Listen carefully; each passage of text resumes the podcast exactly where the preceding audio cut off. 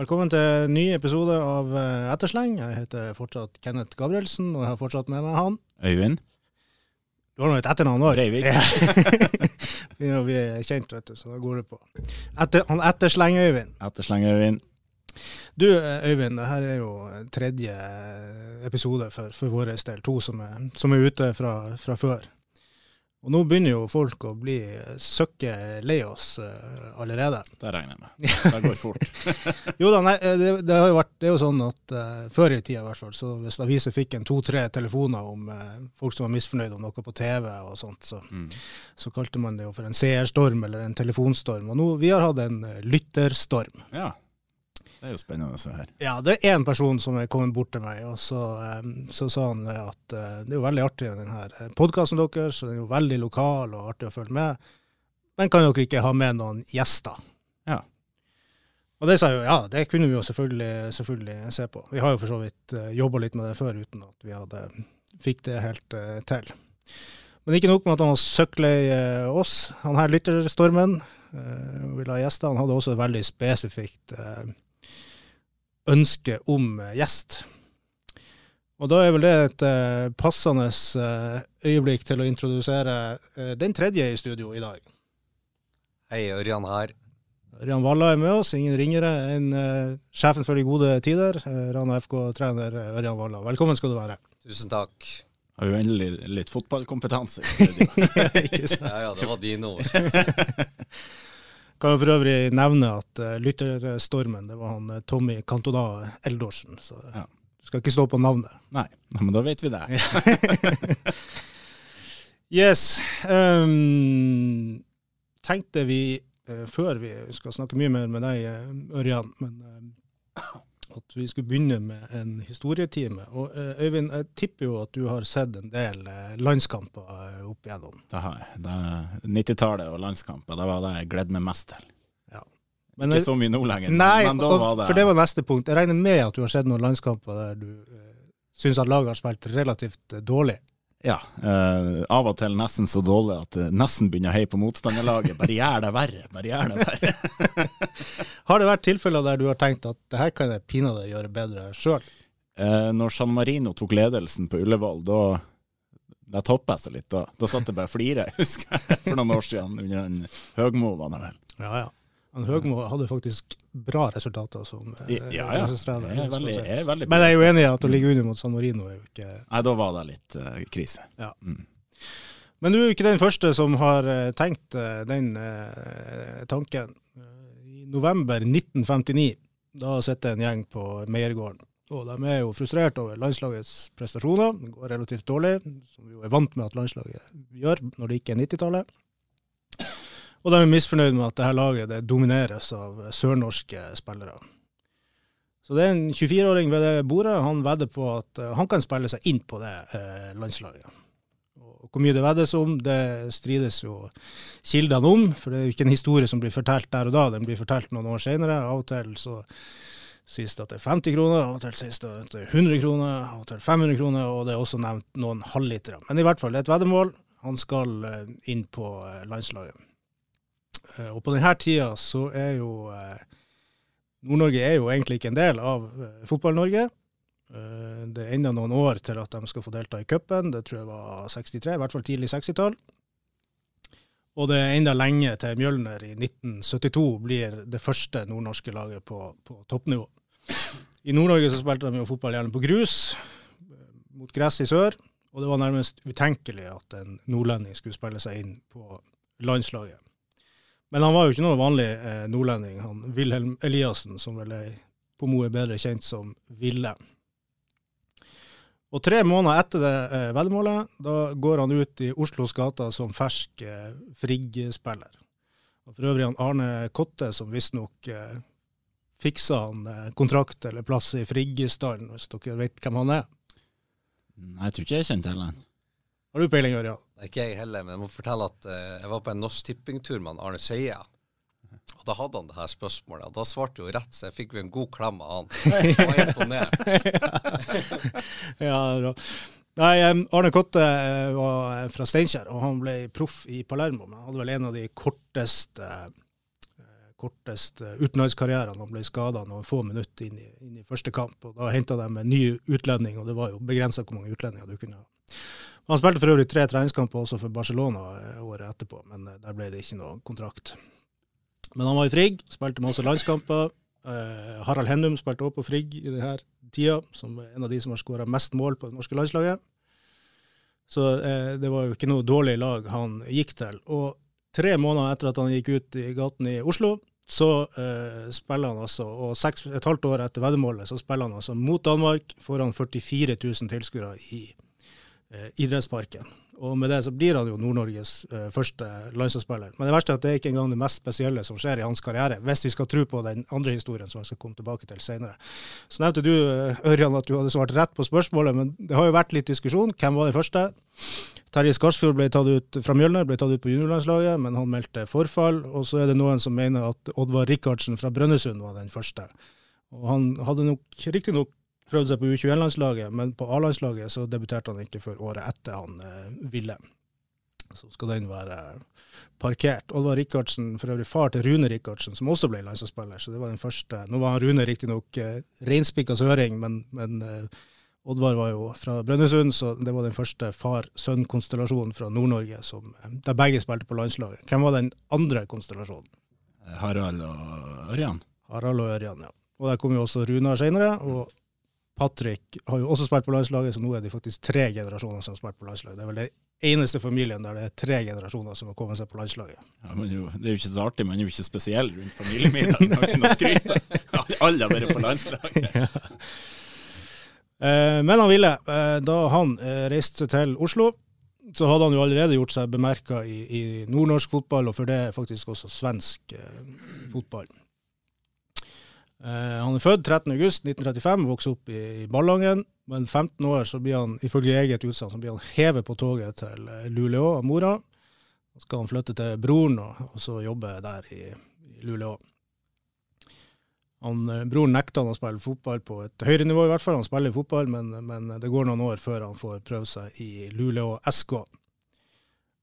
og her sier han sjøl at han lærer sin fotball-ABC. Har veldig gode ord om tida i, i uh, Sverige, der han tre, trenes av Erik Bergmark, som er broren til Orvar Bergmark, som spilte for Roma og for uh, Sverige i VM i 1958.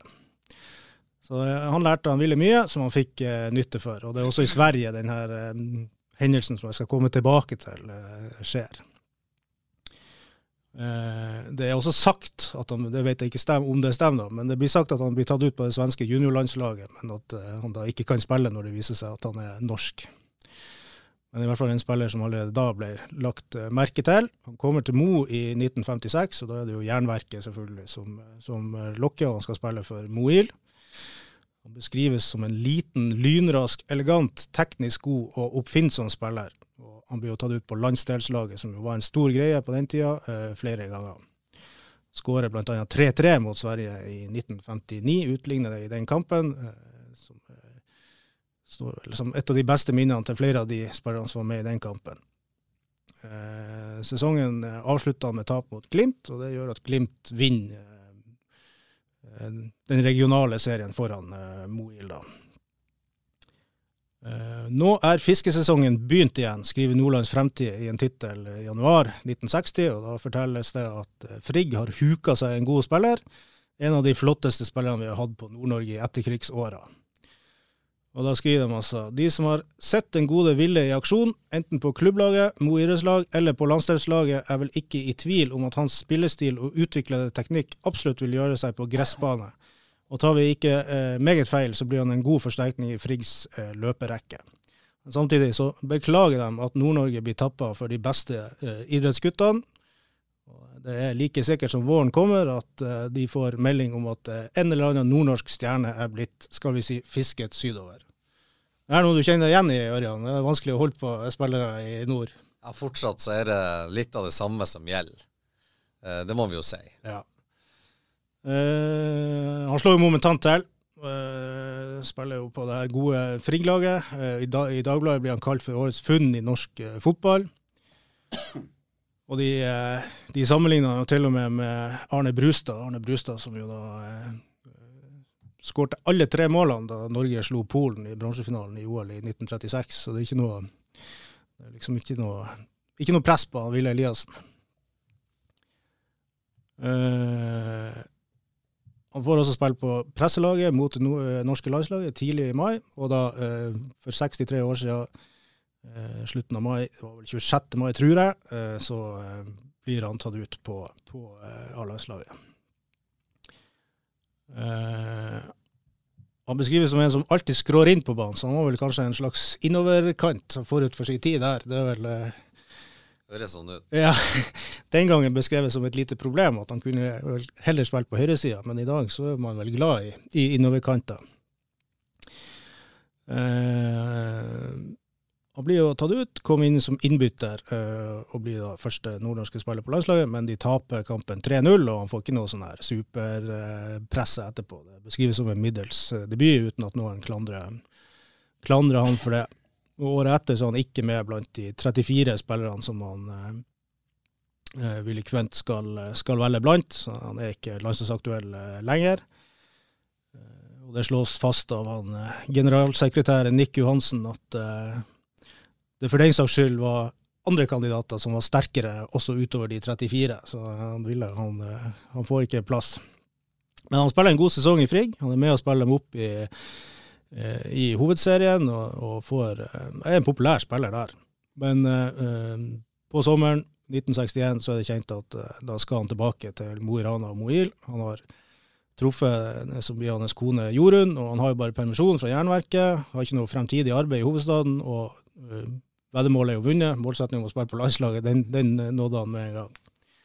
Året etter så blir han ikke engang tatt ut på landslagslaget, så her går det Oi. ordentlig nedover. Det, sånn, det, burde vært filmatisert. En helt, eh, helt sånn utrolig historie. Han blir kun eh, reserve. Det er jo eh, til store protester lokalt. Arne Valla, formann i Helgeland fotballkrets, han sier at når ikke en så god spiller kommer med på laget, da kan han ikke si noe annet enn at de må være gode, de som er tatt ut.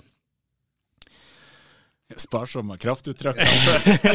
Rolig. Ja, uh, men de var faktisk ganske frittalende. Det er ikke alle som er like frittalende i dag som, som enkelte av de uh, var i media den gang. Men han blir en av de store nordnorske stjernene i norsk, nordnorsk fotball de neste, neste tiåret. Og blir toppskårer i Nord-Norge i 1966 og en viktig spiller på landslagslaget, der han stort sett er med og blir en av de veteranene. Og som sagt, det var en stor greie. I dag kan man kanskje tenke at det ikke er så stort, men det var, det var svært da. Han er jo kaptein på Moil, som blir kjent som den evige toer, men de klarer også å vinne avdelinga innimellom. Og, og i 1967, 1967, eh, så spiller de nordnorsk cupfinale. Da taper de mot Bodø-Glimt, eh, riktignok. Eh, men det går litt opp og ned. Han er også trener innimellom, det er han i 1963. Da slår de Grand 4-2 i siste hjemmekamp, men Rana Blad slår fast at det var en interesseløs sesong, sesongavslutning i Mo. Og Da skriver de hva er det som mangler, hva er det som er feil når det ikke skal lykkes å få til et fotballag i Mo?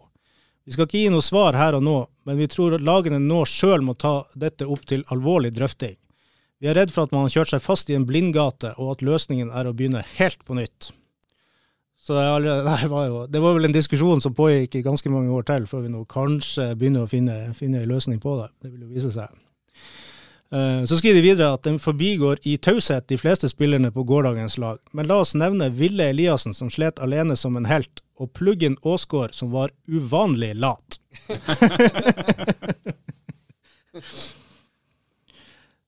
Men eh, kravene til Ville kunne også være ganske store. Han skårer fem mål mot Brønnøysund i en kamp i den nordnorske cupen, da Moil vinner 6-0. Og Ranabladet skriver at han var jo uten tvil banens beste spiller, men han virka til tider temmelig egoistisk. eh, og Lokalavisa kunne i det hele tatt være ganske nådeløs.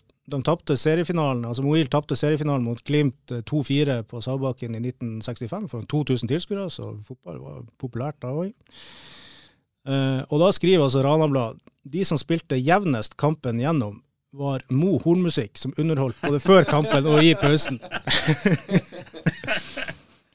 Det er kritikk på, på, linje med jeg tror det var Barney Roney som skrev etter at han Falcao hadde spilt en United-kamp, at uh, han, han, møtte opp korrekt antrukket og i fotballsko. Det er sitt. Ja, nei, men kanskje vi har gått litt andre veien nå, at vi er blitt for snille, så finn en mellombalanse ja, det kan være. der. Ja. Vi har jo fått litt kritikk for å være for snille, Øyvind. Klarer vi å gjøre noe med det i dag? Uh, vi, skal, vi skal være streng når det er behov for det, tenker jeg. Ja, ja. Men å være streng uten å, at det er grunn for det, det har jeg aldri skjønt poenget med. Nei. Nei.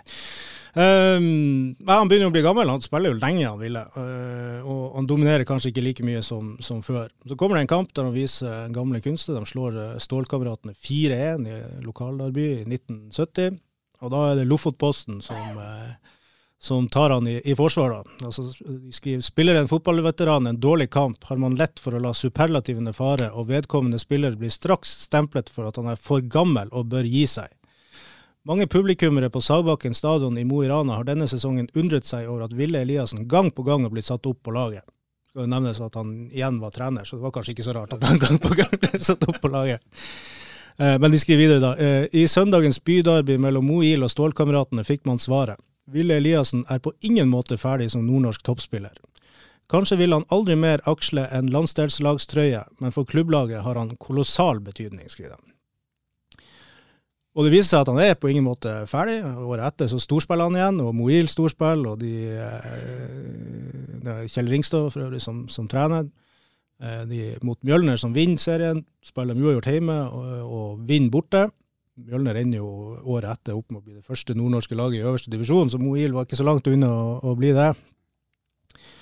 Eh, hjemmekampen i juli den spilles for øvrig i strålende sol og stekende varme, og ifølge Lofotposten så tok han Kjell Ringstad av seg tre kilo i løpet av kampen. er det noe du har opplevd, Ørjan? Er det spillere som tar av seg voldsomt eh, under eh, varme kamper? Nå sier de om motstandere det eneste spillere som kan ta av seg i løpet av 45 minutter. Så det, det skjer nok i, i vår liga også. Ja. Eh, Men om han ville, så, så skriver Lofotposten at han er stadig like ballglad og sprudlende og valser opp med motstandernes forsvar.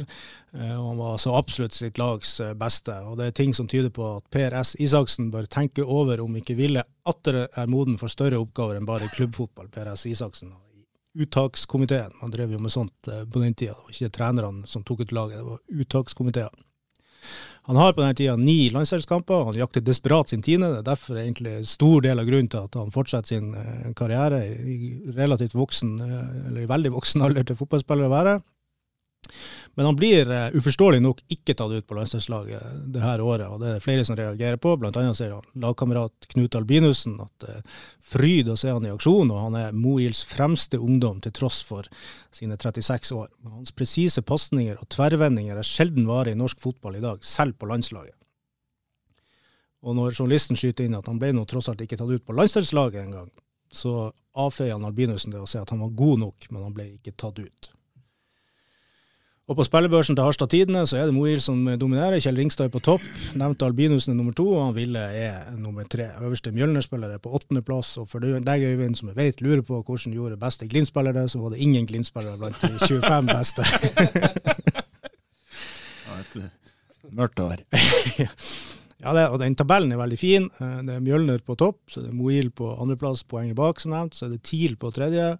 Så Stålkamp på fjerde, og Glimt først på femteplass på tabellen. Ja, den dagen vi får to lag fra Mo over Glimt, gror det godt. Ja, ja, ja.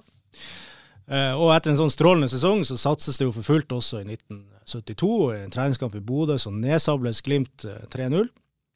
Men Nordlandsposten, altså vi som var i Bodø, eh, senere slått sammen med Nordlands Fremtid, og blitt Avisa Nordland, de var litt bekymra over han Ville og oppførselen og eventuelt eh, dårlig påvirkning. På midtbanen opererte Ville Eliassen i god gammel stil, men hvorfor så ilter, og hvorfor bruke så mange eder og forbannelser? Det var nå en gang mange barn som tilskuere. Jeg kan vel fortsatt gå i kule varmt i fotballkamp, og jeg har opplevd det. Ørjan, du er vel ikke den verste på akkurat det? Nei, jeg kan ikke si at jeg er den verste. Men eh, det er stadig vekk klager på, på tribuner, vet jeg. Vi var jo og spilte cupkamp eh, mot Fauskesprint i fjor. Tror du må litt nærmere. Og da, eh, da var det en av eh, tilskuerne som gikk bort til rataskankene, og det her fant han seg ikke i. Så han for hjem før kampstart. så det, det, det foregår på tribunen fortsatt. Altså. Eh, Lofoposten slår jo fast at eh, Ville, som nå er 37 år, han er Moils viktigste eh, spiller. De skriver et nytt system som er innøvd i løpet av vinteren. Krever han som en tredje midtstopper, samtidig som han utfyller jobben som tilbaketrukket midtbanespiller. Han har altså gått fra å være ytre venstre, som han spilte tidligere i sin karriere, til at han er tilbaketrukket midtbanespiller, og nå skal han også ned og være med å bygge, bygge opp. Han sier sjøl at han har enda håp om å få sin tiende kamp for det nordnorske landsdelslandslaget. Han får også beskjed om at han er forhåndsuttatt. Det eneste som er forhåndsuttatt til landsdelslaget. Så her og nå så eh, ligger jo alt til rette for en lykkelig slutt på denne fantastiske historien om en av de største nordnorske fotballstjernene gjennom tidene. Øyvind og Ørjan, tror dere det blir en lykkelig slutt? foran sin tiende landsdelskamp? Uh, nå er jo jeg norsklærer, jeg er jo vant med at når du bygger sånne historier, så spør sånne spørsmål, så skjønner jeg jo at det er et vendepunkt her en eller annen plass. Antagelig nå. Ja, du er jo òg lærer, Ørjan. Ja, det kommer vel en skade eller noe som gjør at det ikke det går. Det er helt korrekt. De spiller serieåpning mot nyopprykka Saltdalskameraten, og de vinner jo 6-1. Men ett kvarter før slutt, i en duell som Det er ikke noe stygg takling eller noe, det beskrives som eh, rent uhell. Eh, så brekker han eh, beinet med Tor Albinussen, som er bror av Knut Albinussen, som spilte med Ville i den kampen. Så han blir henta med sykebil, og han blir frakta til, til Bodø sykehus. Og Lofotposten skriver at eh, Nord-Norges mest fargerike spiller gjennom de siste 16 år, Ville Eliassen, fikk en brå slutt på sin karriere. Og Det viser seg at skinn og leggbeinet røyk på henholdsvis ett og to steder, og han blir liggende fem uker på eh, sykehuset i Bodø. Så da er neste spørsmål er det her slutten for han Ville? Uh, neppe.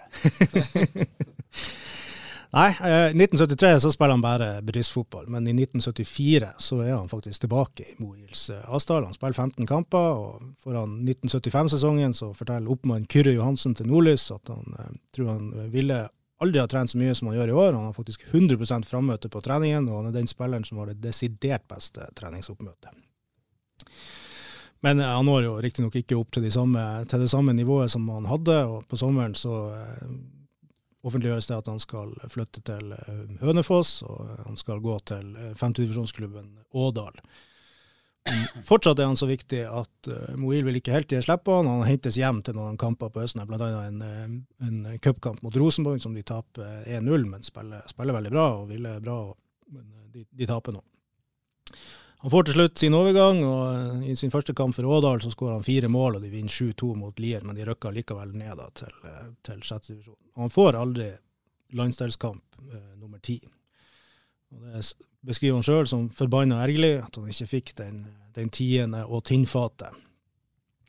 Men hvor stor han var, det kan vi kanskje illustrere best eh, gjennom noe som Nordlys skriver eh, i en artikkel fredag 27.4.1979. Vi har vært innom han Harald Berg.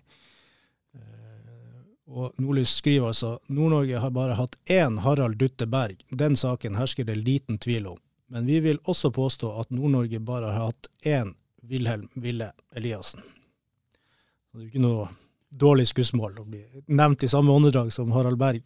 Nei, da hadde du opplevd, eller da hadde du oppnådd noe. Ja, da har du vært god. Ja. ja. Uh, han ender med å spille over 350 kamper for Mo, og har nærmere 80 for Frigg, og rundt 165 ifølge egne anslag på, hos Luleå i Sverige. I tillegg spiller han en del uh, sørpå, men det er lavere, lavere divisjoner, da. Uh, I løpet av tida i Moil så var han alt fra ytre venstre og midtbane og til back. Og han er kaptein, og han er trener og han er styremedlem. Han er med på det, på det meste. Fortsetter i noen år til som spillende trener i Ådal og etter hvert eh, Norder Hov. Eh, I Ådal er han i en periode fast på A-laget og Aalborgslaget, i tillegg til at han spiller bedriftsfotball for Høsveis. Så Fyr som var glad i fotball, her. Og I 1983 så tar han over som trener for sjettedivisjonsklubben Fossekallen, som vel senere ble en del av Liv Fossekallen, eller Fønefoss. Uh, og I sin første kamp så spiller han på lag med eldstesønnen Ronny. Ronny skårer for øvrig i den kampen. Og 13 minutter for slutt så bytter han ut seg sjøl for å sette inn sin nest eldste sønn eh, Stein. Og de slår altså topplaget ROS, eh, eller ROS, litt usikker på hvordan man sier det der. Eh, og de berger etter hvert plassen i divisjonen. Når han spiller, så er han bare noen dager under å være 48 år gammel. Så det er ikke så rart at han på et tidspunkt blir kalt den nordnorske sir Stanley Matthews. Så det er kanskje ikke alle lyttere som vet hvem han sir Stanley Matthews var, men han spilte på toppnivå i England til han var Ja, var vel rundt 50, om han ikke var over. Det går neppe i dag. Nei, det, det spørs vel. Du være keeper i så fall, tror jeg. Ja. Uh, men jeg har jo nevnt at det er jo ikke bare det å bli landslagsspiller et halvt år etter å ha vedda om at han skulle klare det, som er fantastisk i denne karrieren. Og han forteller på et tidspunkt en historie sjøl, og det er i hvert fall aldri Jeg har aldri sett noe sånt på en fotballbane. Uh, og jeg tror kanskje Lionel Messi skulle ha slitt med å kopiere det. Han sier altså i et eh, intervju med Lofotposten i desember 1969 Han viser frem noen sånne avisutklipp fra tida i Sverige, masse ting som har skjedd, og så sier han det at eh, dessuten så er det en opplevelse som ikke står nevnt der, men som er både utrolig og sann. I en seriekamp mot et svensk andredivisjonslag møtte jeg en centerhalf, nå kalt midtback, som var omtrent to meter lang. I løpet av de 90 minuttene kampen varte, løp jeg tre-fire ganger mellom benene hans, til stor begeistring for publikum. Det er jo ikke hver dag noe slikt skjer på en fotballbane. er det noen av dere som har sett noe lignende? Nei, det må jeg også si. Har dere ikke en som var rundt to meter på prøvespill her? Jo, vi hadde jo det. Ja. Jeg måtte, jeg måtte fly godt av det, av det bildet i Ranabladet. Verken av Martin Skjæran eller av Sander Bjørnestad som står ved siden av, han, er noen små gutter. Nei. Men de så jo virkelig små ut det, ved siden av han. Ja, må, må prøve å sette opp, Hvis han kommer tilbake igjen, må prøve å sette opp en sånn situasjon at en av de Ja, ja, minste vi, må, vi må prøve å få se om det går an. Men eh, Ørjan, hvem som er nærmest i, i dagens Rana FK-stall til å sitte og tenke en dag at nei, det landslaget her, det kan jo jeg spille meg inn på. Nei, det er vel, han- Hvis han Kim har vært ti år yngre, så mener jeg at han burde kanskje ha gjort litt andre valg eh, i karrieren sin. Og han eh, kunne ha spilt eh, på øverste nivå. Jeg er ikke uenig der. Kim må er en spiller som imponerer meg eh, voldsomt. Og det å ha, den driven ennå, han er 32 år han er, og, og, og, har opplevd mange nedturer etter hvert i den lokale fotballen. Så Ja. det å fortsatt stå på og være med og bidra på den måten han gjør, det syns jeg er imponerende. Og han hadde jo en god sesong for Tromsdalen i førstedivisjon, så at han hadde nivået der i hvert fall, er det jo ingen, ingen tvil om. Ja, da var han knallgod eh, det året i Tromsdalen. Han hadde nok flere tilbud etter det, og så uh, klaffa det vel ikke 100% og så kom han tilbake til Mo. Yes. Uh, Du nevnte Martin Skjæran. Han skåra jo i juniorlaget sin uh, ja, skal vi si sjokkseier over Bodø-Glimt i juniorcupen her, eh, her nylig. De vinner 2-1. Vi var ikke så sjokkert, men, eh, men, eh, men vi var kjempeglade for at vi eh, klarte å slå ut Glimt. Det var en, var en stor og viktig dag for Rana fotballklubb. Ja, det er vel bare Rana og TIL er det det som er med fortsatt. Så Ja. det, det er jo relativt bra av et uh, Rana FK-lag. Ja, vi uh, gjorde en god prestasjon der oppe i Bodø. Møte et, eh, et godt uh, Glimt-lag. Har kommet brukbart langt med eget lag, og vinner nok Jeg syns vi vinner fortjent òg. Ja. Selv om vi selvsagt blir spilt litt lav i, i perioder, så, eh, så er vi brukbart konkurransedyktige mot, mot Glimt sine beste juniorer. Ja, det er jo et bra lag dere også stiller. Det er vel en sju-åtte spillere der som, som uh, mer eller mindre med A-laget. Ja. Så, eh, så vi stilte det vi hadde, rubbel og bit av de som holder junioralder, fortsatt hos oss. Er det stort sett eh, det Glimt-laget dere møter, eh, det er det stort sett det som er i tredjedivisjon? Så, så sånn sett syns jeg det var en god prestasjon av i aller høyeste grad. Så ble jo han Christian Grønning eh, sjuk på veien oppover, så han spilte jo ikke. Så vi mista vel kanskje vår beste spiller. Så, så eh, Nei, vi var utrolig godt fornøyd. Det var god stemning på vei hjem i bussen. Ja. Nei, det er jo en sterk prestasjon, absolutt. Det blir spennende å se hva, hva neste runde kan bringe. Ja. Vi håper jo på et storlag, om det er Vålerenga eller Brann eller Det blir vel sannsynligvis Tromsø, jeg vet ikke. Blir spennende å se. Ja, jeg håper jo for så vidt at man slipper, slipper unna Tromsø, at det blir litt spe mer spennende eh, motstander. Sjøl om jeg er TIL-supporter og selvfølgelig ville ha satt pris på å se noen lovende eh, spillere her. De er, de er jo ganske bra på juniornivå, de òg. Ja, de har vært veldig bra de siste årene. Vært i norgestoppen i, i junior-NM. Ja, de har prestert veldig bra. Fått opp en del spillere også, som, som også på A-laget viser, viser seg frem. Daniel Bassi nå, nå sist. Ja. Eh, skal vi sånn kjappest eh, innom litt breddefotball? Øyvind, du hadde en analyse av eh, Bosmo Ytterens herrelag, og eh, hvorfor de kanskje har fått en litt tregere start enn noen eh, venta. Det var en, en elev av meg jeg har i klassen, han Andreas Fridtjofsen. Han spurte om at jeg trodde at det var av at han var sjuk og skade, at postmorteren gjorde det så som så. så. Så jeg lova han at jeg skulle nevne at ja, det var nok antagelig det som var årsaken til at det var en litt sånn trå start. Ja. Du så jo for øvrig at han Andreas han var jo manager for uh, russelaget. Yes, det var han. Ja. Han, har Um, tatt, han har tatt trenerrollen i, i skadeperioden. han har det veldig bra å skaffe seg erfaring Ja, ja, en gang, og ikke bare Men det gikk vel ikke sånn supert der, gjorde det? Gjorde det? Nei, vi, vi prata jo om at kanskje Ebe skulle gått inn, så kunne han ha fått sett på i stedet. Nei da, men han, han, han løfta laget i pausen, og de henta det jo nesten opp igjen. Så etter litt stygg første omgang, så, så gikk det bra etter hvert. Så han var, han var greit fornøyd. Eh, og I femte divisjon så går det jo fortsatt eh, strykende for Stålkameratene. og Magnus Kolstad han eh, bøtter jo fortsatt inn, inn mål. Det er vel en som du kjenner godt, Rian? Ja, Magnus han vi all mulig suksess i, år. Kjempefin type. Han, skrev, han sa vel også, eller uttalte vel også i Ranabladet at det var et nivå som passa han bedre enn en tredjevisjon. Det stemmer. Så han har nok trappa ned i hodet i fjor òg, som gjør at femtevisjonen er veldig bra for han i år. Eh, ja, Stål gjør det bra, men uh, Moil de har jo da måttet trekke, trekke laget. Ikke spillere nok til at de stoler på at de har uh, klarer å stille lag i alle kamper. I fjor ble det jo klarte de jo, fikk de jo store bøter for at det var vel to kamper de ikke klarte å, å stille lag til og måtte degraderes og femtedivisjon i, i år, da, men eh, det blir det altså ingenting, eh, ingenting av. Skal slippe å si så mye om det, Ørjan, men, men uh, hvor bra eller ikke bra er det at man mister litt bredde? Altså Silkefot er borte, og nå er det heller ikke Moil. Nei, jeg syns jo egentlig det er veldig bra at vi har mange breddelag.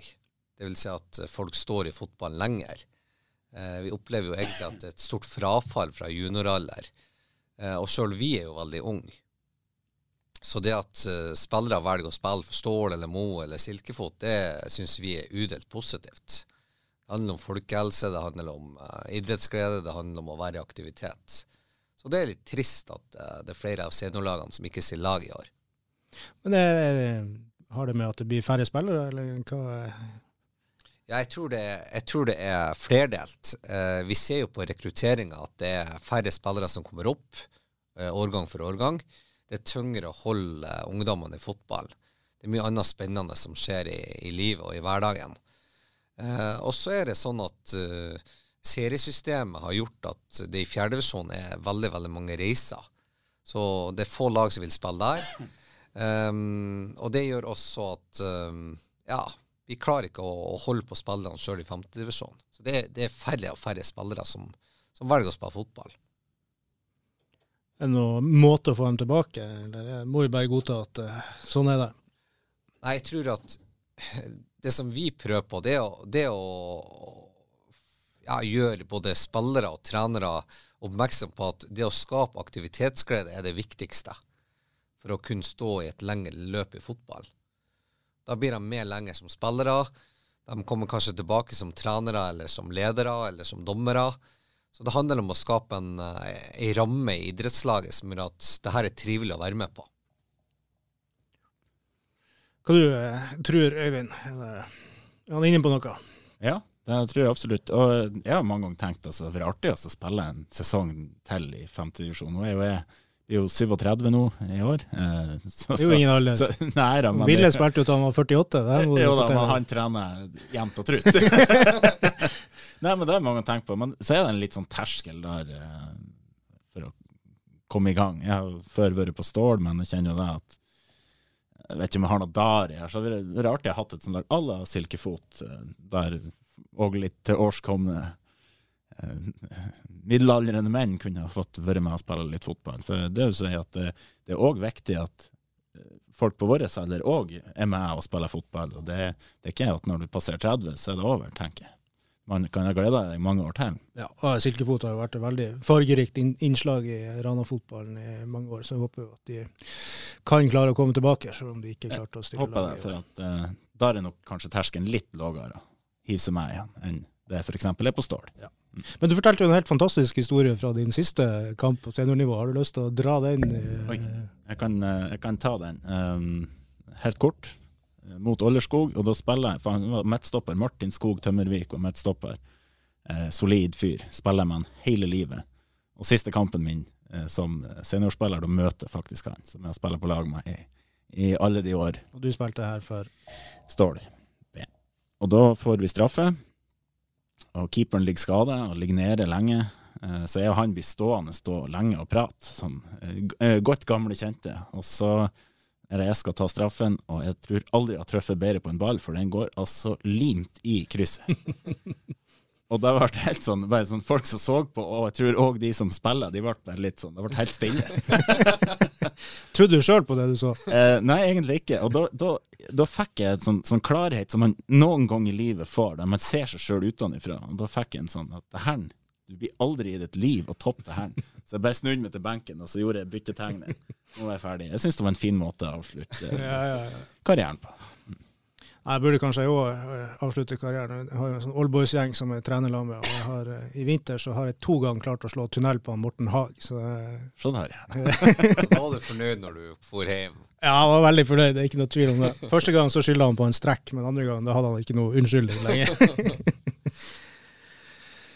uh, Ørjan, din egen eh, fotballkarriere, det, den trenger du vel ikke sånn kjempelang tid på å fortelle om? Nei, den er egentlig relativt kort. Jeg ga meg veldig, veldig tidlig. Uh, jeg Mista vel litt motivasjon, hadde ikke sånn eh, kjempestor glede av å spille fotball lenger. Så da valgte jeg å gi meg. Da var du Uh, da var jeg eh, rundt når jeg starta på idrettsfag på Mjøland. Så rundt 16-17. Ja. ja. Og da eh, ga du deg helt med fotball, eller var du Ja, da ga jeg meg helt fullstendig. Jeg tror ikke jeg rørte en ball på flere år. Eh, men så starta jeg å spille litt eh, med kompisene da jeg begynte å studere. Eh, jeg spilte litt futsal. Eh, etter hvert så syntes jeg at ja, kanskje jeg skulle bli trener. Så, um, så parallelt med når jeg var trener, så spilte vi en del futsalcuper. Altså. Så gleden ved fotballen kom litt tilbake etter hvert, det må vi jo si. Ja. Var du god? Eh, jeg vil si at det var sånn helt middels god. Bra spilleforståelse, fin pasningsfot, men ikke sånn helt OK. Jeg ville vært på helt OK nivå lokalt, vil jeg si. Hva du var i slags posisjon? Jeg var midtbanespiller. Hvilken type, type Nei, jeg vil si at jeg hadde god spilleforståelse, så kunne Dirigenten. jeg kunne eh, diktere tempo i kamper. Ja. Den Djupe. Men det var, men det var mange som var, som var bedre til å spille fotball enn meg. Ja, var det noen av de du spilte med som, som kom opp et stykke? Ehm, det var ingen som ble sånn kjempegod i det kullet mitt. Det var det ikke. Nei. Som jeg eh, kan ramse opp og si jeg har masse meritter. Men eh, du ble nå etter hvert trener, og der har du jo ja, fått en del erfaring. Ja. Uh, gikk på idrettshøyskolen og uh, ble lurt med i Kjelsås, er en klubb som, uh, som ligger nært ved idrettshøyskolen. Var juniortrener der ett år, og så for jeg ned til Nordre Åsen, som er en par trikkestopper ned, ned gata. Og der var det et fantastisk miljø å være i. Jeg lærte masse av flinke folk. Jeg fikk vært trener for gutter som konkurrerte på nasjonalt nivå. Og fikk egentlig sånn Ja, ble litt nyforelska i fotball, det må vi jo si. Mm.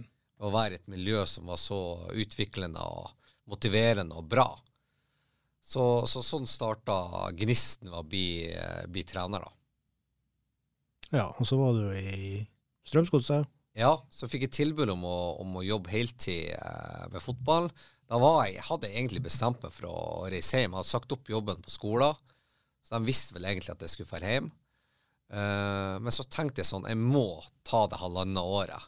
Bare for å prøve hvordan er det å jobbe med fotball på heltid.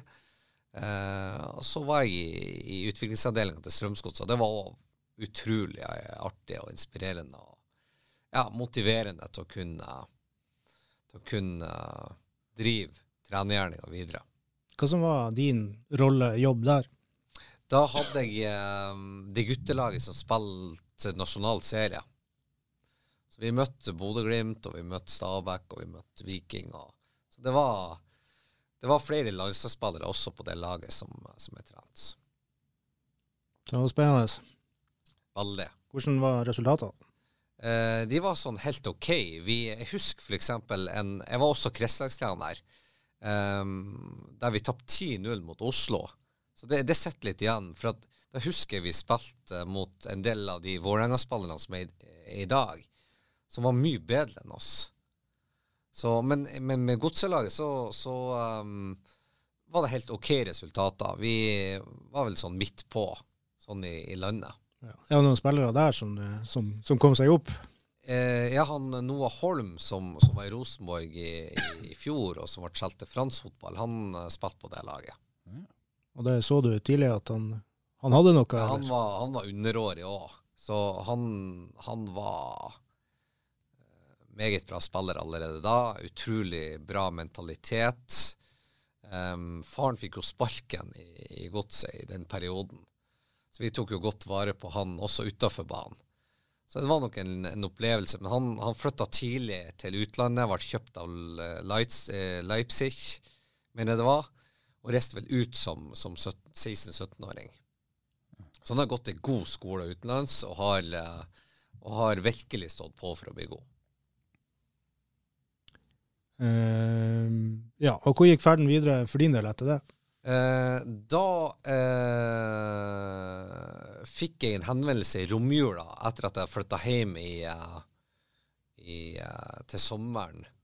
Jeg husker ikke hvilket årstall, men fikk, fikk et henvendelse fra Skeid i romjula. De fikk ikke tak i trener.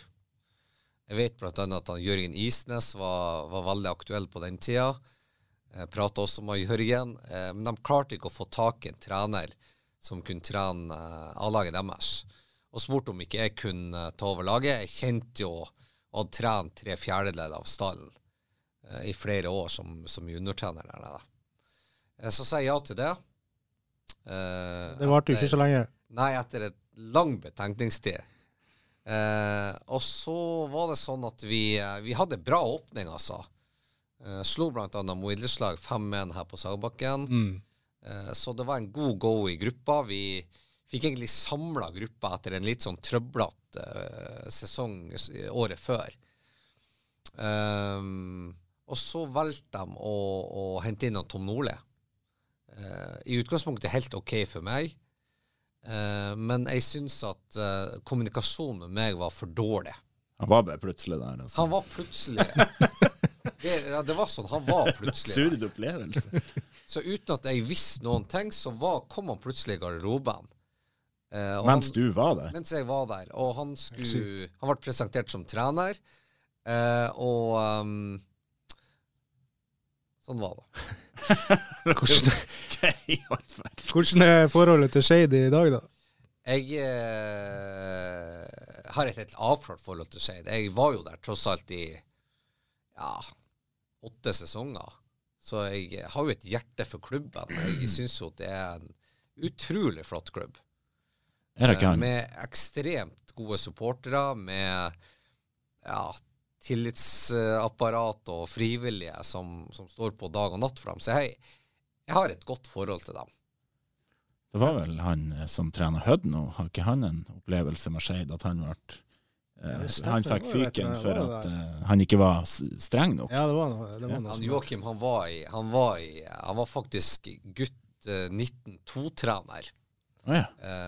i den siste perioden. Ja. ja. Okay. Så han kjenner godt, altså. Han var vel ikke en trener som Shade så på som, som, som en noe satsingsobjekt. Nei. Så han har nok rett i de, de opplevelsene som han Jeg leste også det. Ja. Ja, det er mange veier til Rom. det er litt sånn med en, med en, tidligere storklubb, da. At de har De jakter hele tida etter noe som er Navn og ja. At, og man skal si det sånn at han fikk vel med seg en tre-fire millioner i, i, klubbkassa, etter det jeg hørte. Ja, okay. Så, så Ja, hva skal man si? Jeg syns de gjorde, Sånn sett i ettertid så gjorde de sannsynligvis rett, da. Så rus skal jeg være. Det var ikke dårlig. Det har ikke jeg kommet til å tenke. Gnidd meg igjen hver gang de tapte kamp. Nei da, nei da. Jeg Jeg kjente de guttene så godt. Jeg Ja, hadde så stort det. hjerte Ja. for de guttene som hadde trent i mange, mange år. At, uh, at de skulle lykkes med å, å få det til, det, det syns jeg var, var bra. Selv om jeg, eh, jeg likte ikke behandlinga av en mann som hadde eh, blitt overtalt til å si ja til et års engasjement. Det gjorde jeg ikke. Så ærlig må jeg være. Nei, det, Hvordan er det nå, da? Du går ikke rundt og frykter at uh, plutselig så dukker det opp en ny trener i garderoben? og... eh, var, I fotball, ikke sant? Den opplevelsen har lært meg at i fotball så kan du aldri vite. Um, og det har jeg litt respekt for også. Så plutselig så står det en ny trener i, klar til å ta over Rana fotballklubb også. Men det er jo, altså, fotball er jo kynisk, og det er jo, det er jo resultatene som teller. Men det er jo som du var inne på, du hadde jo ikke dårlige resultater på det her tidspunktet. Nei, sesongen var så vidt i gang, og Ja. dere hadde jo faktisk gjort det bra. Og det var det som gjorde at det var litt spesielt. Eh, hadde man stått med null poeng, og det ikke var noe gå i gruppa, eller vi, ja, vi holdt på å slå ut Strømmen i cupen, som var et Obos-ligalag, så det var mye positivitet i spillergruppa. Så det gjorde at det var, ble litt spesielt. men da tenker jeg òg å komme inn som da, som trener, når at det er en flytsone og ting går bra, altså, så blir den bare fjerna. Det er jo ikke bare bare det, tenker jeg. Komme Nei, inn til det- en helt ny gruppe som har veldig god connection med treneren, og det går fint. Og det, jeg vet ikke om jeg ville hatt den jobben. Ja, han er såpass sterk og Ja, såpass det- det er dyktig og Ja, såpass rutinert. Ja. Så, så det gikk bra, og jeg prata med mange av spillerne om det. Mm. At, eh, at de måtte jo for all del bare se fremover fra Mm. første sekund. Fordi at klubben var på riktig vei, og, og man, man fikk eh, større handlingsrom, eh, bedre økonomi.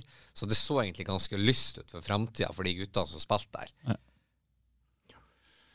Ja, men det er jo som Øyvind sier, det er jo veldig raust Ørjan, at du tenker, tenker sånn etter en sånn, eh, sånn avskjed.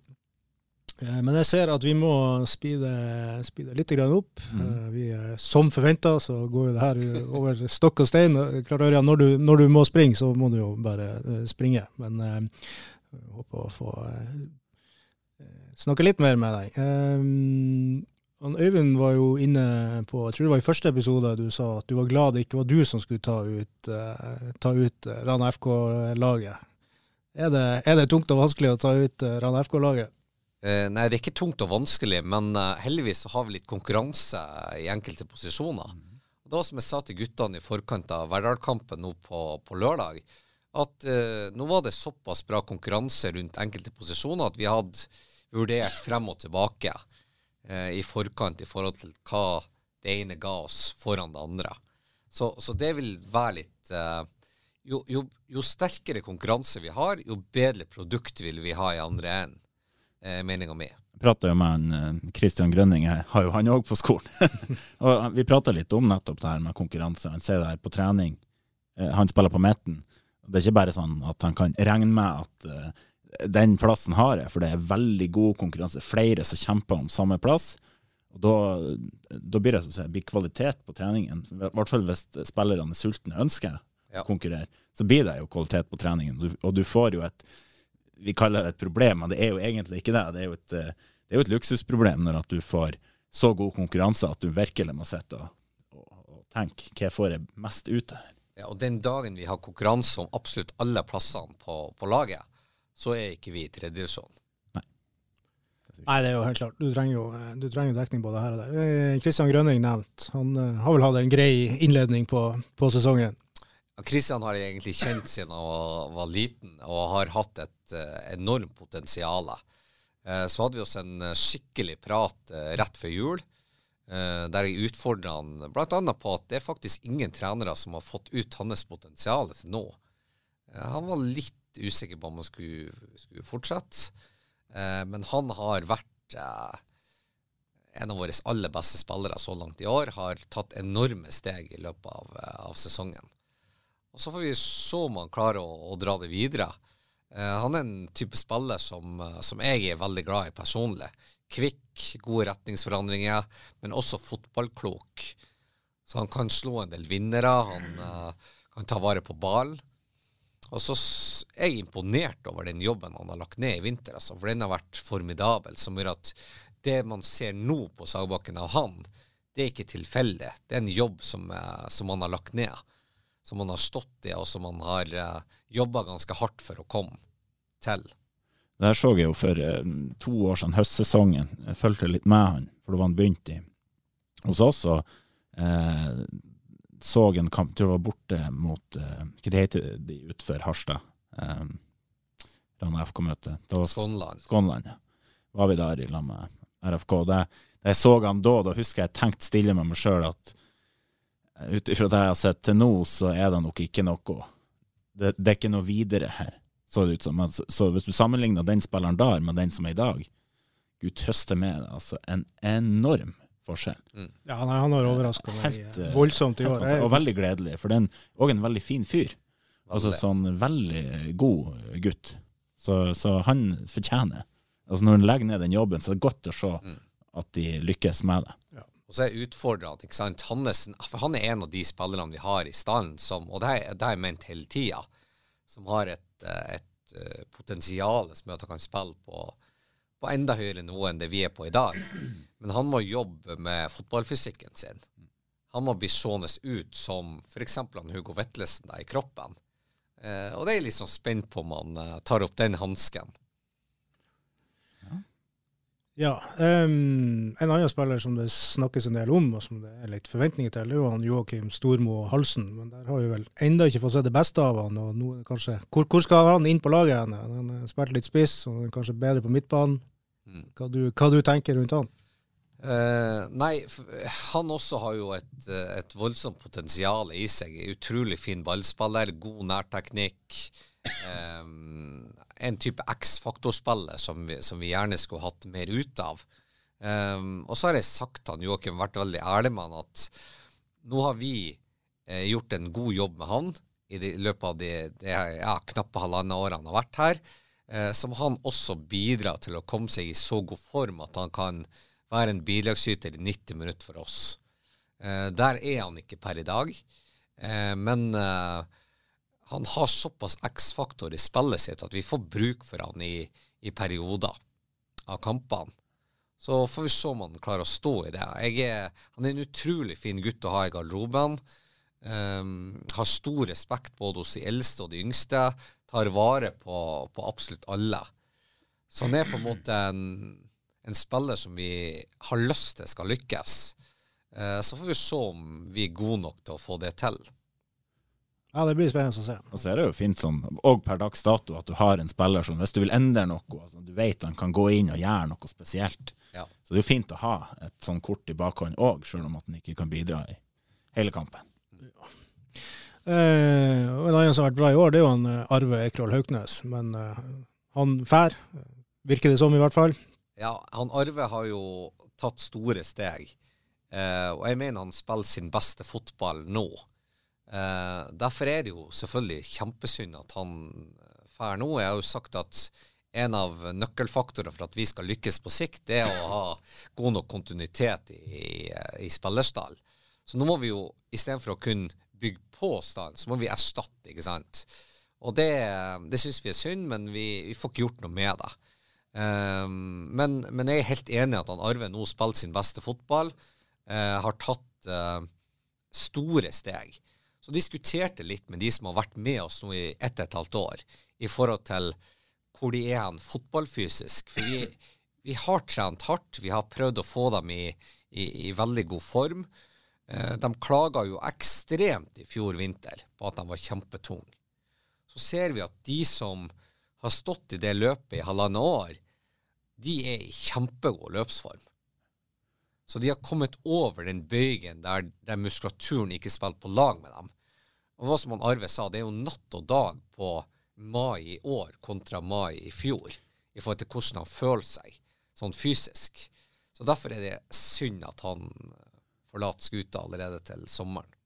tror jeg er helt avgjørende at man klarer å beholde altså de spillerne som, som går opp et nivå, altså plutselig stabiliserer seg på et bedre nivå enn de var tidligere. At man eh, nyter godt av det. At vi ikke bare utvikler, eller dere bare utvikler nye unggutter hele tida, og så ferdig ut når de, når de egentlig skulle blitt nøkkel, nøkkelspillere. Ja. Uh, men er dere eh, Er det noen spillere på vei inn? Uh, vi, vi jobber eh, kontinuerlig med å forsterke oss. Det er ikke noe hemmelighet. Uh, og så er det som jeg har sagt eh, mange ganger, vi, vi manøvrerer litt i, et ulendt terreng. Dels fordi at vi, vi spiller i en divisjon som ikke er kjempeattraktiv. Um, de fleste i forhold til det segmentet, for vi ønsker å være ambisiøse også når vi leter etter spillere, de vil spille i andredivisjon. I tillegg så er det sånn at ja, vi skulle gjerne ha kunnet tilbudt studiemuligheter som gjør at vi A har beholdt egne spillere, men også kunne ha lokka spillere hit som kunne ha studert i tillegg. Eh, det har vi ikke i stor nok grad. Og så har vi heller ikke eh, en lønningspose som kan eh, friste spillere til å komme hit.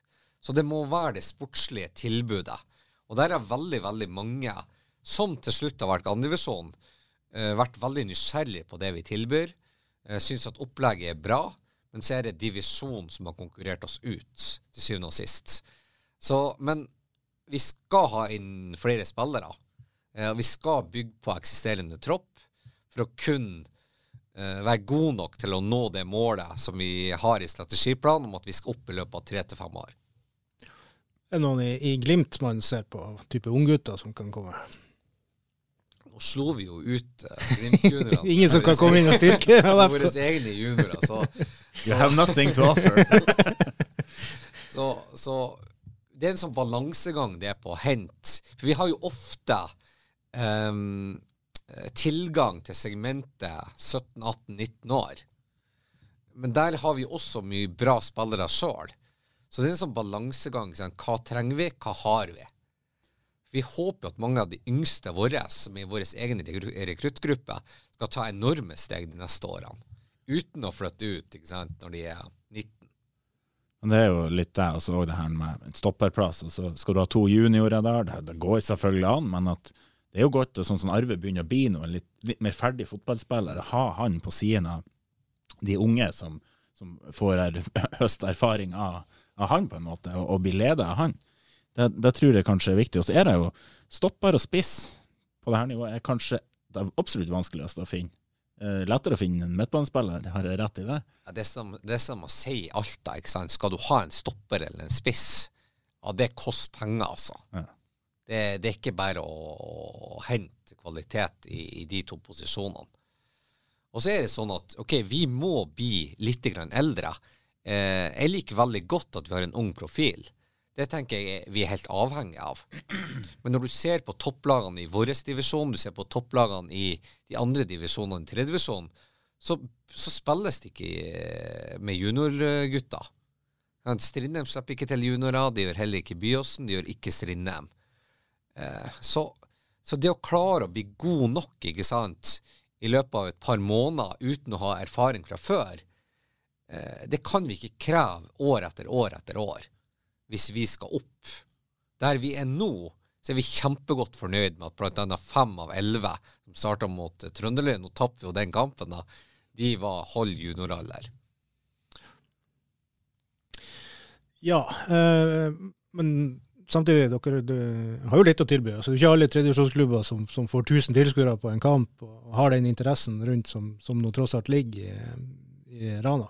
Men hvor langt tenker du, uh, syns du at, at, Rana FK har kommet? da? Det er vel uh, eh, 2019 som var den første sesongen med, med seniorlag. 2018 vel, med, med barn og ungdom. Uh, hvor langt har man kommet? Um, jeg, ikke, jeg, kan ikke prate så mye om det som skjedde før vi kom inn i fjor. Men jeg, jeg, vi har diskutert det litt på kontoret med og Olav og Jimmy, at i løpet av ja, knappe halvannet år nå, så har vi kommet egentlig ganske langt. Vi har kanskje forsert litt tempoet i forhold til det som ligger i strategiplanen. Vi har gjennom uh, tiltak, gjennom fotball for frokost, gjennom uh, akademiet vårt, um, skapt en uh, ja, både aktivitetsglede, økt aktivitet hos barn og ungdom, som gjør at vi på sikt kan nyte godt av det ved å få masse egenproduserte spillere For det, det kommer ikke allerede neste år.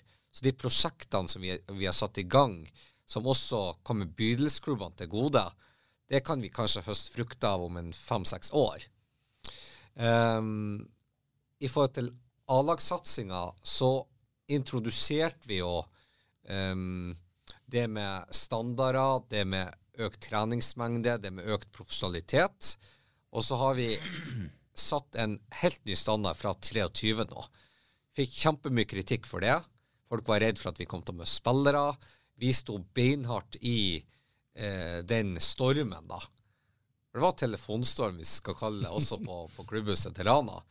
Eh, men det mente vi var nødvendig for å kunne ta de stegene som vi ønska.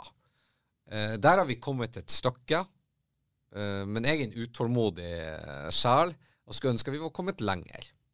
Det er ikke noe tvil om. Men jeg mener at den retninga vi har satt, den skal gi, gi, kraft og liv til drømmene til de som kommer etter de som er på A-laget nå. Eh, jeg skal være så ærlig at jeg er jo enig i blant annet det her med hvor ofte man kan drikke alkohol etterpå seg og sånne ting. Eh, jeg var jo enig i retninga, men jeg tenkte jo at det her gikk litt for fort. Jeg har jo endra litt mening nå. Det så jo ut som dere har klart å, å presse dem og fått dem til å skjønne at this is the way to go. Uh, så det må jeg si, det imponerer meg veldig. For jeg, jeg så, jeg så, mye begrensninger der, det gjorde jeg. Det jeg. Jeg trodde kanskje det kom til å skale av. Kanskje noen av de yngste, spesielt de som skulle være russ, ikke kjente at nei, nå, nå ble det ikke. Men um, det må jeg si all ære til dere, for jeg var ikke, var ikke, helt overbevist når jeg fikk høre om den strategien. Nei, og det, og det er lov. Eh, men vi tenker at hvis ikke vi prøver nå, ikke vi prøver å bygge eh, klubben eh, sånn at vi kan rigge oss til å nå andredivisjon og være et stabilt andredivisjonslag de neste 10-12 årene, så gjør ikke vi jobben vår. Eh, det er ikke vi som har satt som ansatt. Det er ikke han Olav eller Jimmy eller jeg, eller jeg som har, som har staka ut kursen. Det er det styret som har gjort. Og det er det de som har stemt for denne sammenslåinga, som har gjort. Så vi utfører bare det som er strategien for de neste årene. Mm. Så jeg er litt sånn opptatt av, av å si det. Syre kunne ha valgt å ansette noen andre og da hadde man kanskje ikke tatt den retninga. Men vi tror, vi som er ansatte i Rana fotballklubb i dag, at den eneste muligheten vi har for å kunne stabilisere eh, Rana fotballklubb på et nivå høyere enn det vi er nå. Og dere har jo helt opplagt eh, skapt en, en, en, entusiasme rundt, eh, rundt laget. Og så er jo spørsmålet hvor lenge varer den hvis man ikke får bedre resultater enn det man har hatt eh, frem til i dag. Mm. Og Derfor er jeg opptatt av jeg mener at vi kanskje har bedre resultater enn eh, det vi kanskje hadde trodd sjøl. Eh, og det handler litt om at vi fortsatt er veldig, veldig unge. Eh, og fortsatt så vil prestasjonene eh, variere. Eh, vi skulle ønske vi vant hvert eneste fotballkamp. Og jeg syns vi ser mer robust ut. Vi ser bedre ut i år enn på samme tid i fjor. Så lenge vi har utvikling nå Eh, så, og, og, kan bygge på eksisterende stall, så kommer det her til å bli bra. Men vi er avhengig av all den støtten vi kan få. Vi er avhengig av at vi fortsatt utvikler produktet vårt. Og hvor langsiktig tenker dere, altså du og, og Olav Øverli og Jimmy Fjellhals, for, for, den del? Hvor, hvor, lenge er dere med i prosjektet? Nei, det, man vet aldri når en ny trener står på, garderoben. det vet man ikke. Men, men, uh, men, så lenge vi er her, så skal vi gjøre en jobb sånn at uh, klubben har noe de kan bygge videre på.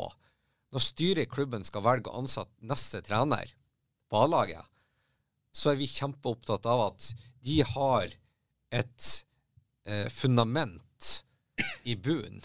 Tydelig identitet, tydelig spillestil, de har rollekrav som ligger der. De har um, prosjekter som er igangsatt, som går an å videreføre, videreutvikle. Uh, og da må styret være god nok til å finne riktig profil ut ifra det, det, som klubben har bestemt, og ikke starte helt på nytt igjen. Det tror jeg dagens styre er veldig opptatt av, at det er det som er vår største verdi.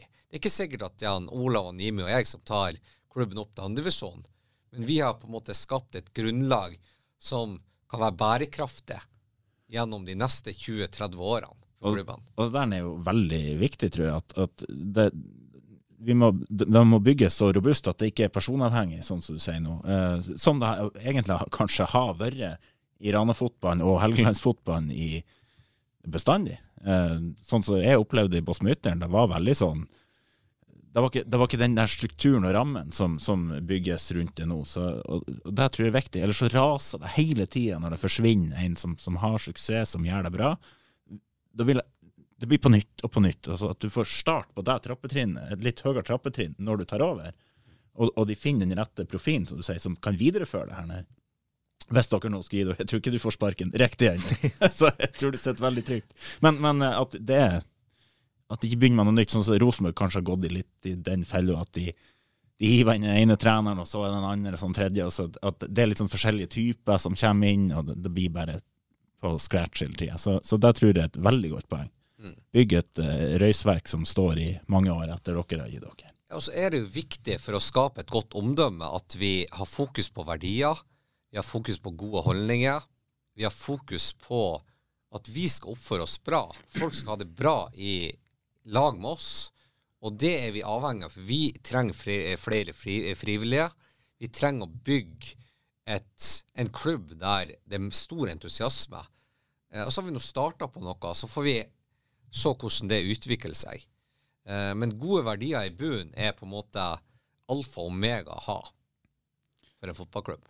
Da tenker jeg det jo, skal jeg jo trekke fram min gode venn Nicolas Jensen, som var ute nå eh, i avisen og eh, sa klart ifra om hvilken oppførsel som er akseptabel på tribunen under en Rana FK-kamp. Og Det tenker jeg òg er en del av, av laget, på en måte. At eh, det er tydelige verdier som kommuniseres ut til fellesskapet. Absolutt. Um, nå er det jo litt fri for, for Rana FK, men så venter det uh, cupkamp mot Stjørdals-Blink, andredivisjonslaget Stjørdals-Blink hjemme, og så etter hvert da Glimt 2 uh, borte. Det blir vel en walkover, regner, jeg med. men Øyvind, når vi presenterte denne podkasten, så, så var jo du litt eplekjekk i, i det første intervjuet der og sa at vi skulle komme med tips til trenerne, hva de skulle trene på og sånt inn mot kampene. Så uh, nå har du han Ørjan veldig nært her. Så Ja. uh, øret er vel klart. Jeg har faktisk gitt han, både Olav og Ørjan tips en gang eh, mot Steinkjer i fjor. Da jeg måtte overta megafonen til Rattaskankene og spørre om det gikk an å slå corneren over første, førsteforsvareren. eh, nei, for, for det, er- og når jeg ser Glimt, til dels og dere, de her cornerne som går på femmeterkanten eller, eller der omkring. Eh, jeg slutta å Jeg slutta være spent når det corner. Hvor det ble av de cornerne som klinker inn mot mellom keeper og bakerste stang, og da kommer det svære menn sprengende inn i feltet. Jeg syns det dør mer og mer ut. Nei, eh, hvis du ser Jeg mener at Andersson jeg må bare få skyte inn. Det her Ja. baserer jeg på ingen måte på noe statistikk. Jeg ser en god del andredivisjon og Obos-liga. Der Mm. er det mye kraft i spillere, mye fysikk. Vi er ikke noe spesielt bra dødballag. Nei. Det må vi nesten Nei, og jeg jeg skjønner jo det, og Glimt eh, men, men det er av og til sånn, sånn vet du, Nå tar jeg Glimt som eksempel. Eh, Når de roter den bort uansett, altså, de skaper i hvert fall ingenting. Kan de ikke prøve det, altså? klinker de. Det, den, på- den eh, varianten vi har på første stolpe, uten å avsløre for mye, det handler om at han Kim har så god timing. Mm. Eh, at en stuss på første stolpe gjør at vi kan bare sprenge ballen i mål Ja. I, i neste bølge. Så det er en tanke bak. Ja. Uh, så har vi ikke lyktes helt med det, jeg er enig med deg. Nei. Men jeg, mener, jeg har sett noe statistikk en gang på at eh, en corner er egentlig en veldig liten målsjanse. Du må i hvert fall ha jeg tror det er rundt 50 corner eller hva det er, for å regne med at du skal skåre. Det er nesten en like stor sjanse til motstanderlaget som det er til laget som har corner. Så er det litt overvurdert. det der, Corner som ja, målsjanse. Ja, det er det. Men, men jeg har et sånn nostalgisk for... Altså, dødballer, der er jeg superkonservativ. Da sa jeg faktisk med damelagene trener de at ser jeg én kort corner, så slutter jeg midt i kampen. Da drar jeg. så så, så den, den, der er jeg superkonservativ og tenker at eh, ja, jeg skjønner man skal tenke nytt, men eh, bare gjør det gamle veldig bra, så går det der fint. For å si det sånn, etter fjorårssesongen, vi evaluerte jo tre dager til ende her. Eh, og vi var jo, vi, det var jo livsfarlig når vi hadde corner. Sant? Da ble vi jo kontra på noe så det sang etter. Så vi slapp vel inn sju mål på nei, vi, Ikke alle sju målene var jo ikke det på, på SalMar-banen, men de juniorlaget til Rosenborg kontra oss jo i senk der nede. Så, det, så, vi måtte gjøre noe. Vi måtte prøve å endre noe på både på balanseforholdene vi har egen corner, og på hvor vi skulle slå det igjen. Ja. Så vi ikke ble kontra på. Ja, nei, jeg ser den.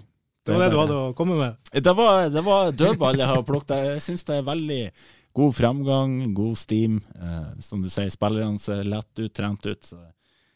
Eh, jeg har ingenting.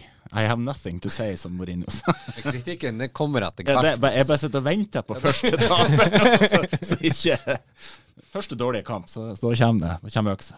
Nei da. Eh, jeg syns dere gjør det veldig godt, Ørjan. Og det, det, det sier jeg for at jeg mener det. Jeg sier det ikke for å, for å være hyggelig eller, eller sånn. Hva tenker Ørjan om de neste par kampene som kommer her? Eh, nei, vi er spent på, uh, på hvordan vi klarer å kunne stå imot et, um, et bra Stjørdalsblink-lag. Jeg så dem i går mot Ullkisa. Ullkisa har vel en, uh, en, et budsjett på over 20 millioner på, på A-laget sitt. Og de spilte 1-1 mot dem, var vel så god som Ullkisa. Har et bra grunnspill, ligner egentlig veldig på oss. Um, så uh, det, blir, det blir et uh, spennende møte. Jeg tror vi må makse vår prestasjon, og det har vi både ambisjoner og tro på at vi skal gjøre. Det er ikke, det er ikke umulig med ei lita cupbombe der òg. Nei, vi skal i hvert fall prøve å gjøre alt det vi kan for å, for å slå, slå blink. Uh, så ærlig må vi jo være. Hva du tror du, Øyvind? Nei, jeg tror jo eh, det skulle være fullt mulig å slå Stjørdalsblink. De hadde jo en, eh, en eh, dårlig sesong i fjor. Det har vel gått litt likere i år, når de kom ned et hakk. Så det blir nok tøft. Det blir det. Man skal ikke forvente at Rana tar seg videre, men jeg tror ikke jeg blir sånn superoverraska om de faktisk gjør det.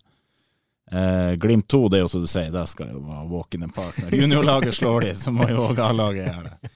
Neida, det, jo, det er jo det som er med andre lagene. Litt spennende hva de, hva de stiller. De stilte vel et veldig bra lag mot Rosenborg 2, og, og sist òg hadde de vel et par A-lagsspillere med, men da tapte de jo riktignok. De gjør det, men det, de har jo 30 mann i i avstand, så he, hjemme så tror jeg Glimt kommer til å være bra, altså. Ja. Hele sesongen. Jeg tror ikke det er noe dårlig, dårlig tips. Det er bedre å møte dem eh, på sin egen heimebane enn på deres heimebane. Uh, Ørjan, vi er langt på overtid i forhold til hva, hva du eh, sa på forhånd. Vi skal snakke litt på oss med Ytteren, du må gjerne bli med hvis du må snike deg ut. Så, eh, Jeg har trening klokka fire. ja, jeg skjønner det. så du skal få snike deg ut. Du må bare ikke slamre så hardt med, med døra. Du skal ha eh, hjertelig tusen takk for at du stilte opp. Det setter vi pris på. Ja, takk for at vi kom. Ja, Øyvind. Vi går vel direkte videre til, til Bosmo Ytteren. Der var jo du eh, voldsomt eh, grenseløst positiv. Ja, jeg ser du så, så ser du har skrevet det. Ja, vet du, det er folk som har kommet bort til meg og sagt så positiv han Øyvind var. Ja.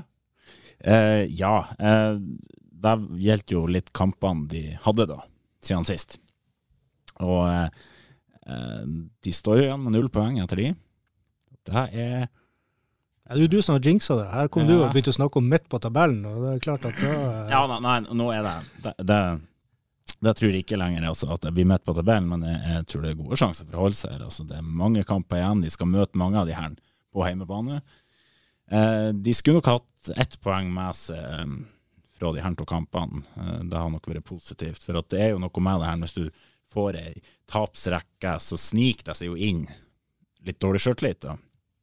Eh, så jeg tror det handler om å få en god opplevelse snart. og så De går jo på en del sånn vi kan kalle hederlige ettmålstap. Eh, Men det er jo det her å sette i hop to gode omganger eh, som de sliter med å gjøre. Når de klarer det, så kommer det nok en del poeng, tror jeg.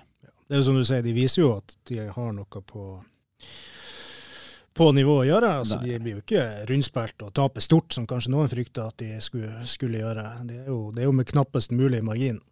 Og eh, sånn som Sarpsborg nå, det var jo kanskje den de Der burde de jo kanskje til og med ha vunnet, for eh, Sarpsborg har vel vært så som så. De har vel, var vel første seier, det var det vel.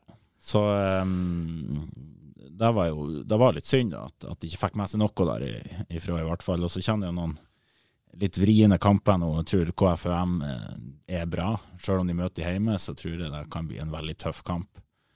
Um, og HamKam borte. Så, så eh, klarer de nå mot alle odds å ta med seg noe fra de kampene, så er det jo kjempebra. Men jeg, jeg tror nok kanskje det blir, det blir to tøffe to tøffe kamper de, de går nå, før de får vel Bjørnevatn hjemme etter det, og der bør det.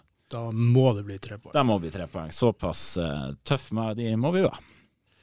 Eh, så Lynkampen, Lyn 2, taper de 1-0 hjemme. og Der har du jo eh, Det er ikke ufortjent at Lyn vinner til slutt, bommer på en straffe og, og har nok, eh, i hvert fall etter hvert, ganske god kontroll på den kampen. Men samtidig, det er perioder i den kampen der som Bosmo Ytteren er nær skåring og ja. bør skåre. Ja, og, og, det er litt det som er eh, Man kan til slutt altså Det er tilfeldigheter. Man bommer på åpent mål. Man, samme som jeg forsto på Sarpsborg-kampen. De skyter tverrliggeren, reddes på streken. og eh, det, det, er nært og det er uflaks, men til slutt så kommer det jo òg ut på, på, dyktighet. og Du må skape mange nok sjanser, så du ikke blir avhengig av å, å treffe på hver sjanse du, du skårer på.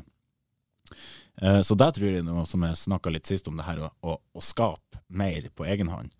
Og ikke bare eh, kelke og sprenge og forsvare seg. Det, det, tror jeg blir nøkkelen nå fremover. Og, og jeg forstår det sånn at det, det skjedde det, det, var noen positive drag over det andre omgangen borte mot uh, Sarpsborg. Så får vi håpe de bygger videre på det, for det handler jo om å tørre litt òg. Ja, den går i. Mm. Og det, det, blir jo vanskelig. Dess mer du taper, dess oftere du taper, så blir det vanskeligere og vanskeligere å tørre å slippe seg løs. Og da kommer høye skuldre. Så, så det, det, er klart en, en jobb som, som, som, gjøres, og må fortsette å gjøres der for å, for å få det til å løsne. Ja. Og veldig spennende. Det var vel en debut eh, mot Lyn der på tror 14. Rikke Skar Gabrielsen. For øvrig ikke noe slekt, hvis noen skulle Nei, det så ikke sånn ut. Nei, jeg, jeg, hun, hun, var jo med på Jeg hadde jo på første treningen når hun hospiterte opp i vinter, og da så jeg jo med en gang at uh, særdeles uh, stort talent. Uh, skal vi ikke legge deg presset. Nei, det er tidlig, men jeg syns hun var du, du veldig frisk mot veldig frisk, de minuttene mot ball, Lyn der. Altså. Fotballsmart. Så er det jo klart, hun er ung, så hun mangler jo på fysikken ennå. I andredivisjon så eh, ja. Du skal være kjempesmart hvis du skal komme deg unna alle de her fysiske duellene. Da skal du tenke kjapt. Um, så, så, det er jo noe å jobbe med. Men der håper vi har mye glede i mange år framover. Så er jo økonomien den med gikk vel ut og, og sa de mangla 350 000 der, og så ble det satt i gang en spleis. Jeg vet ikke hva de dro i land der til slutt. Den ble jo hyppig delt uh, nylig her. og uh, Jeg tror de endte på noe sånt som, som 80 000. Kommer de til å klare å samle i hop alle de pengene de trenger? Eh, ja, altså Har de noe valg, helt til på si? det blir jo til slutt, da må de jo bare vurdere å reise med elleve spillere for å få ned kostnadene. Eh, eller så må det jo komme noen fra sidelinja og stille midler. Og så er jo Boss-Mytteren tror jeg ikke den fattigste klubben sånn generelt sett. Så kjenner han på hvor villig de er til å gå inn i allidrettslaget og hente ut midler. Så, men eh, gjennom sesongen, det tror jeg de skal få, få til. Eh, men det er jo det er jo det er jo der vi skulle det var snakk om vi skulle prøve å komme bort ifra det her med flaskeinnsamling og og dugnad og sånne ting. Eh, for det er klart, de spiller hver helg, og, så, og, og, må trene mye i ukedagen. Så det er ikke så god tid å gjøre det på sånn dugnadsarbeid. Men det kan vel hende at til høsten så må de rundt, på, rundt i Rana og samle tomflasker og ta på oss arbeidsoppdrag i ulike varianter.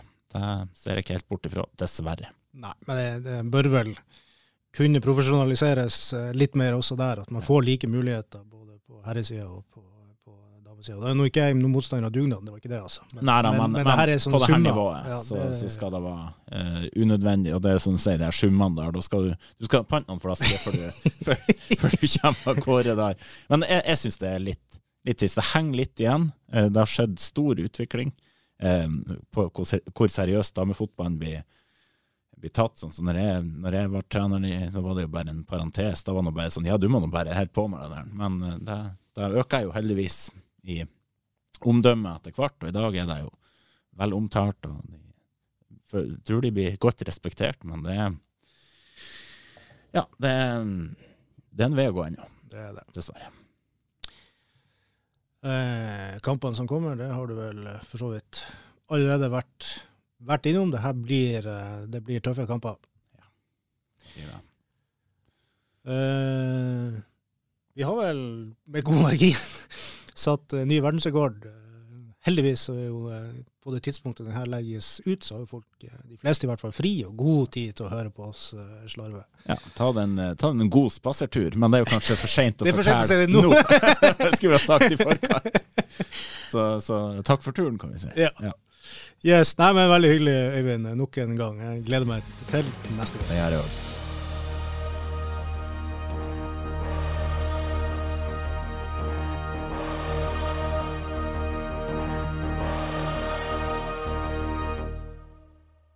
Har du et enkeltpersonforetak eller en liten bedrift?